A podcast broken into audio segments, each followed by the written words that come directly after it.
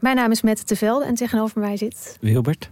En ik heb vrij veel last gehad van neerslachtigheid, eigenlijk nog steeds wel in het leven. En depressies. En volgens mij gaan we dat proberen op te lossen. We gaan jou redden. En de rest van de mensen. En de toch? rest van de mensen. Ja. Wie redt Wilbert? Dat is de vraag. Wie helpt hem bij de kwesties en problemen van vandaag? Luister naar Wie redt Wilbert en de rest van de mensheid. Een podcast van de VPRO voor NPO Luister.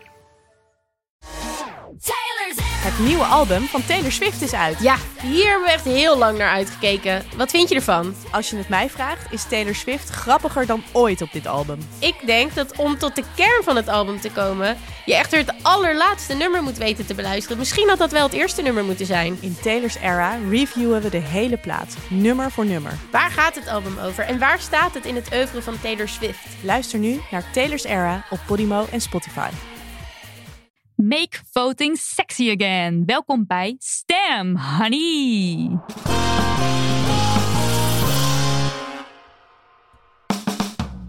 Speciale bonusserie die we maken om jou een schop onder je hol te geven. Hop dat stemhok in. Voor alle dwalende kiezers met de ziel onder de arm maken wij deze serie in de hoop dat je na het luisteren van alle zesde afleveringen compleet verlicht dat vakje aankruist. Mijn naam is Marilotte. En ik ben Nidia. En in deze politieke reeks voelen we zes lijsttrekkers stevig aan de tand over alles feminisme. En dat alles binnen een kwartier. Het zou zomaar kunnen dat we dus een onderwerpje of twee niet aantikken. In de vorige twee afleveringen spraken we met Bloemen van de PvdA en Ouwehand van de Partij voor de Dieren. En in deze aflevering spreken we met Sigrid Kaag van D66. Let's go!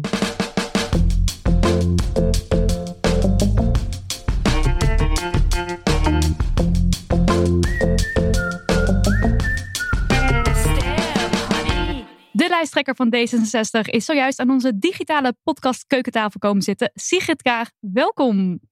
Dankjewel. Hallo. Eh, zo fijn dat je tijd voor ons vrij wil maken om te praten met ons over feminisme. En ik stort me meteen op de eerste vraag. Ben je feminist?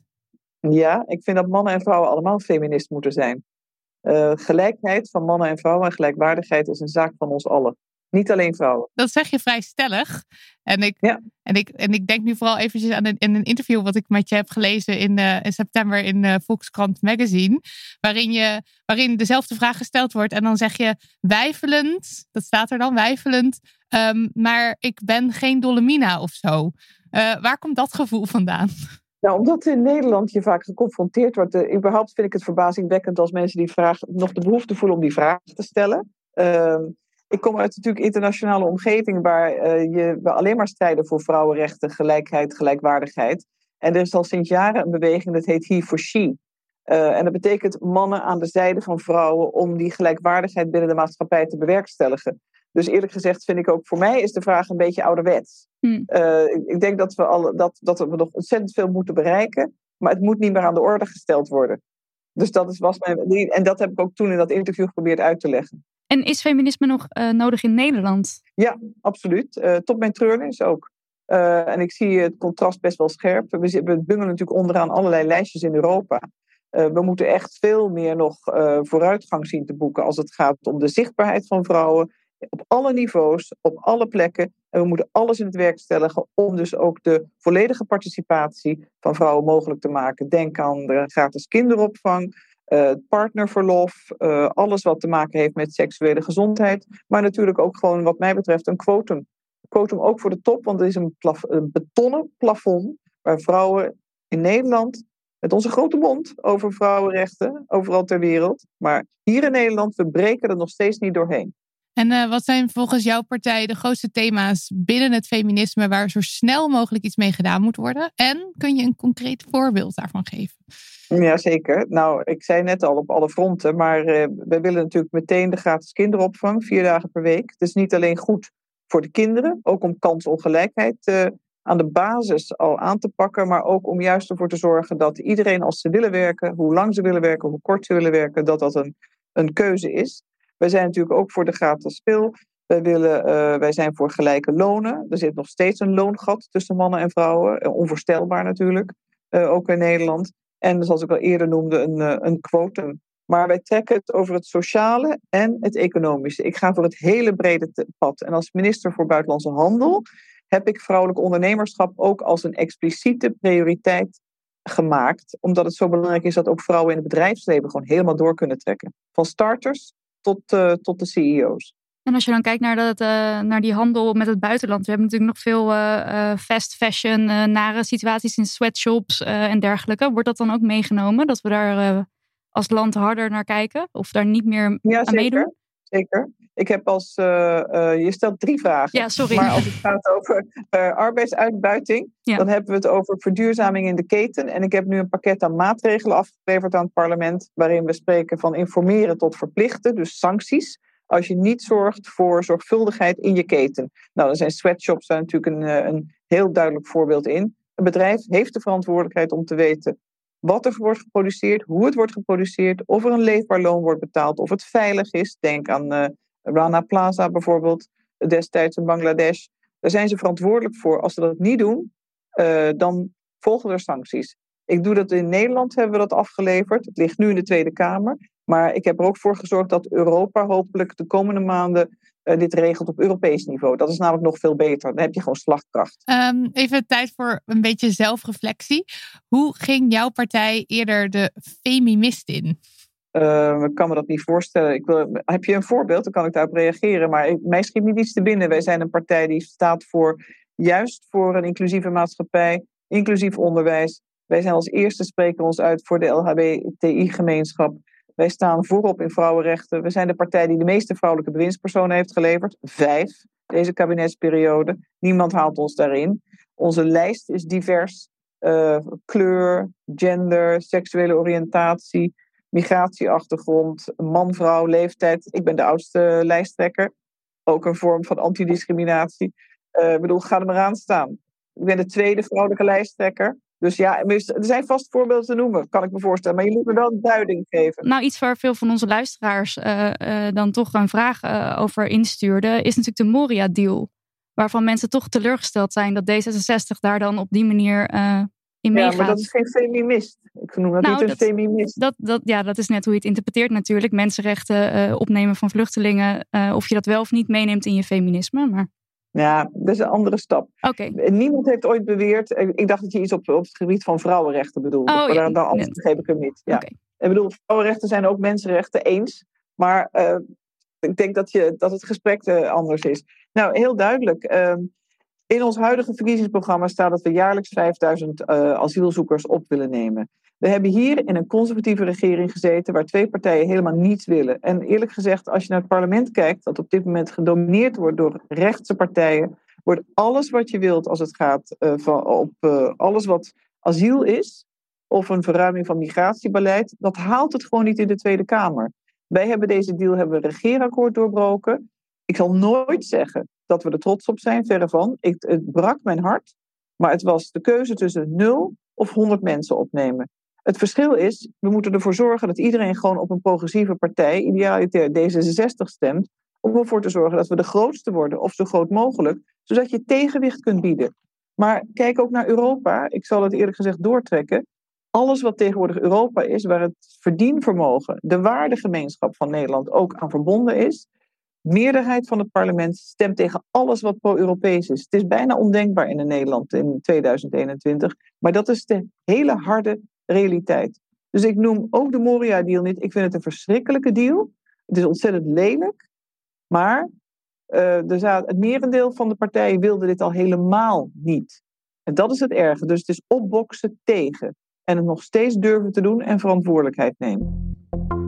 We komen even tussendoor om onze sponsor in the sunshine te zetten. Het is uitgeverij Blossom Books die deze serie mogelijk maakte. En om iets specifieker te zijn, het boek Waarom je niet zomaar moet stemmen waar je ouders op stemmen, geschreven door Titia Hogendoorn in samenwerking met Nienke Schuitenmaker. Met dit boekje heb je de complete basis in handen van de Nederlandse politiek. Wat verdomde handig is als je gaat stemmen. Wat jij dus gaat doen ergens om en nabij 17 maart. En Titia zou Titia niet zijn als ze de politiek niet hilarisch had gemaakt. Die meid heeft talent, want nooit eerder lag ik onder de tafel van het lachen door een boek over notabene de politiek. Voor maar 8,99 weet jij waarom je niet zomaar moet stemmen waar je ouders op stemmen. En dat is geen geld om een beetje te weten hoe de politieke wereld in elkaar steekt, zonder in slaap te vallen. Hup naar Libris.nl dus, waar je waarom je niet zomaar moet stemmen waar je ouders op stemmen, kunt bestellen bij je lokale boekhandel. Oh, sorry, was even verloren geraakt in Titia's boek. In de Nederlandse politiek is het uh, zo dat er um, veel witte mannen beslissingen maken uh, over dingen die het hele land aangaan. Hoe zorgt jouw partij ervoor dat ook de andere stemmen gehoord worden uh, en worden meegenomen in het maken van die beslissingen? Nou, in de eerste instantie is natuurlijk onze lijst uh, divers. Uh, zoals ik al eerder zei, wij zorgen ervoor dat we echt ook zichtbaarheid aan, aan mensen geven, de diversiteit.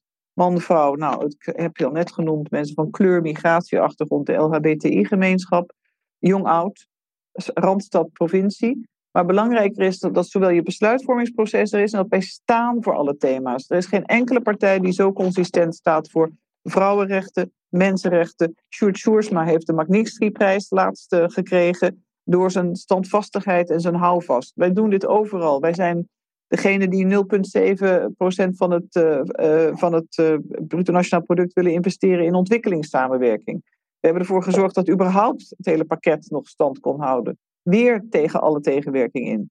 Dus ik zou zeggen, op alle fronten doen we dit. We walk the talk. Maar weet je, in de politiek, net zoals het leven, is alles een kwestie van samenwerking. En dat is mooi.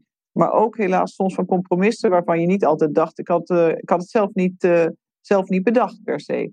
Maar het is heel belangrijk. Ik denk ook echt dat het vrouwenquotum als tijdelijke maatregel uh, een, hopelijk een grote doorbraak gaat leveren. Nou, er is nu, echt wel heel veel genoemd, maar toch nog als, als laatste vraag in deze rij. Waarom zou elke feminist dan juist op D66 moeten stemmen? Als laatste vurig pleidooi. Uh, omdat wij heel duidelijk zijn in onze prioriteiten, in onze aanpak van racisme en uitsluiting. Wij zijn voor een grote aan, grootschalige aanpak van de kansongelijkheid. Nou, dat begint al bij de geboorte in feite. Uh, we zijn heel duidelijk over hoe we seksuele uh, seksualiteit beleefd moet worden. De rechten daarin, maar ook toegang tot de gratis abortuspil. de, de hele beleving van je leven. En wij, wij willen echt kansen voor ieder creëren. En feminisme gaat om gelijkheid, gaat om mensenrechten, gaat om hele fundamentele zaken, maar ze wel heel concreet maken. En wij zijn altijd koploper daarin. Andere partijen volgen ons meestal. En het grote verschil tussen onszelf en andere partijen is, wij besturen ook. We nemen ook verantwoordelijkheid. En dat zie je niet bij alle andere partijen. Je kunt 30 jaar in oprichting zijn geweest. Um, als een GroenLinks. En ik vind de GroenLinks een, een hele, uh, hele sympathieke partij. Op sommige fronten zijn we ook echt uh, heel, heel, heel eender. Maar we hebben geregeerd. We hebben ook die ervaring. Ja, en dan doe je ook, leef je, uh, dan krijg je ook wat krassen mee. Maar je wordt er wel wijzer van. En ook strijdvaardiger, zou ik zeggen. Dan komen we nu bij deel 2 van dit vragenvuur. Uh, dit zijn een paar korte keuzevragen. Het zijn er zes. En uh, je kunt antwoord geven en een kleine toelichting als je dat wilt. Ja. Liever inzetten op mannen en vrouwen beide fulltime werken of mannen en vrouwen beide parttime werken? Nou, ik, dat is een beetje een keuze. Ik ga voor de keuze van een ieder. Ik wil liever dat iedereen uit eigen keuze uh, bepaalt wat zij willen en of het mogelijk is. Maar de keuze moet aan beide zijn of ze willen werken en hoeveel ze willen werken. Geboorteverlof gelijk trekken voor alle ouders, ja of nee? Uh, ja, Nederland is veel te kort. Ik heb zelf ook geleden onder veel te kort geboorteverlof. En ik heb vier kinderen gehad. Het is een ramp. Het is ontzettend belangrijk dat je veel langer uh, thuis kunt zijn. En het is voor, voor mannen en vrouwen gelijk, ongeacht. En dan is het aan de ouders hoe ze het willen inrichten, hoe ze het willen gebruiken. En gaat het dan ook over uh, bijvoorbeeld gezinnen die anders samengesteld zijn dan mannen ja. en vrouwen? Ja. Ja, het is aan hoe, ze het, hoe de mensen, hoe de, mensen de, de gezinsconstructie, hoe ze dat zelf willen bepalen. Ja, vijf dagen verplichte bedenktijd bij abortus, ja of nee? Totale onzin. Geen man kan bepalen over het lichaam van een vrouw. Duidelijk. Boerkaverbod de deur uit, ja of nee? Maar absoluut. Ook weer totale onzin. Uh, het is de eigen keuze van de vrouw als ze dit echt wil. Uh, en uh, ook hebben we hier een enorme wetgevingstraject opgestart op basis van ongeveer 150 vrouwen in Nederland. We hebben het probleem veel groter gemaakt dan het mogelijk is. Maar als het uit vrije keuze is, dan heb je daar niet in te treden. Het spreekt meer eerlijk gezegd van islamofobie. Nederland heeft een racismeprobleem, ja of nee? Ja, ja. driedubbel ja. En we moeten versneld aanpakken en geen dag te wachten. En we hoeven onszelf niet te veel schouderklopjes te geven hierin. We moeten alleen maar er schouders eronder gaan zetten. En dan de laatste. Liever regelgeving inzetten om gelijkwaardigheid voor elkaar te krijgen. Of liever de verantwoordelijkheid bij de maatschappij zelf leggen? Nou, de verantwoordelijkheid bij de maatschappij, dat is altijd leuk. Die wil je graag natuurlijk uh, liefst dat het uit de maatschappij komt. Maar het duurt veel te lang. Uh, ik denk als we het al bij de maatschappij hadden gelaten, zeker bij een aantal van de conservatief-christelijke partijen, dan uh, had, ik, had wij spreken mijn moeder twintig jaar langer moeten wachten tot ze weer mocht gaan werken na haar huwelijk. Dus weet je, het komt niet altijd vanzelf. Regelgeving is soms heel belangrijk. Ik denk wel dat het om slimme regelgeving gaat en tegelijkertijd wel vanuit de maatschappij die boodschap uitdragen. Maar weet je, uh, linksom of rechtsom, en zo bedoel ik het niet politiek, soms is regelgeving gewoon keihard nodig. Kijk naar antidiscriminatiewetgeving. Dat was Super hem. duidelijk, dat was hem. Heel veel dank ja. en heel veel succes ja. de komende periode. Zet hem op. Dank jullie wel. Dit was hem weer. Leuk en thanks dat je luisterde. Veel dank aan de lijsttrekker. You know who you are. Bedankt Daniel van de Poppen voor al het editoverwerk, Lucas de Gier voor de muziek en Lisbeth Smit voor onze website damnhoney.nl. En bedankt, Ed Internetpresident. Het is een schande dat jij ons werk moest doen. Het patent op Stem Honey. Dat blijft natuurlijk helemaal van jou. Vergeet niet te stemmen. Stemmen. Stemmen. Stemmen. Stemmen. Stemmen.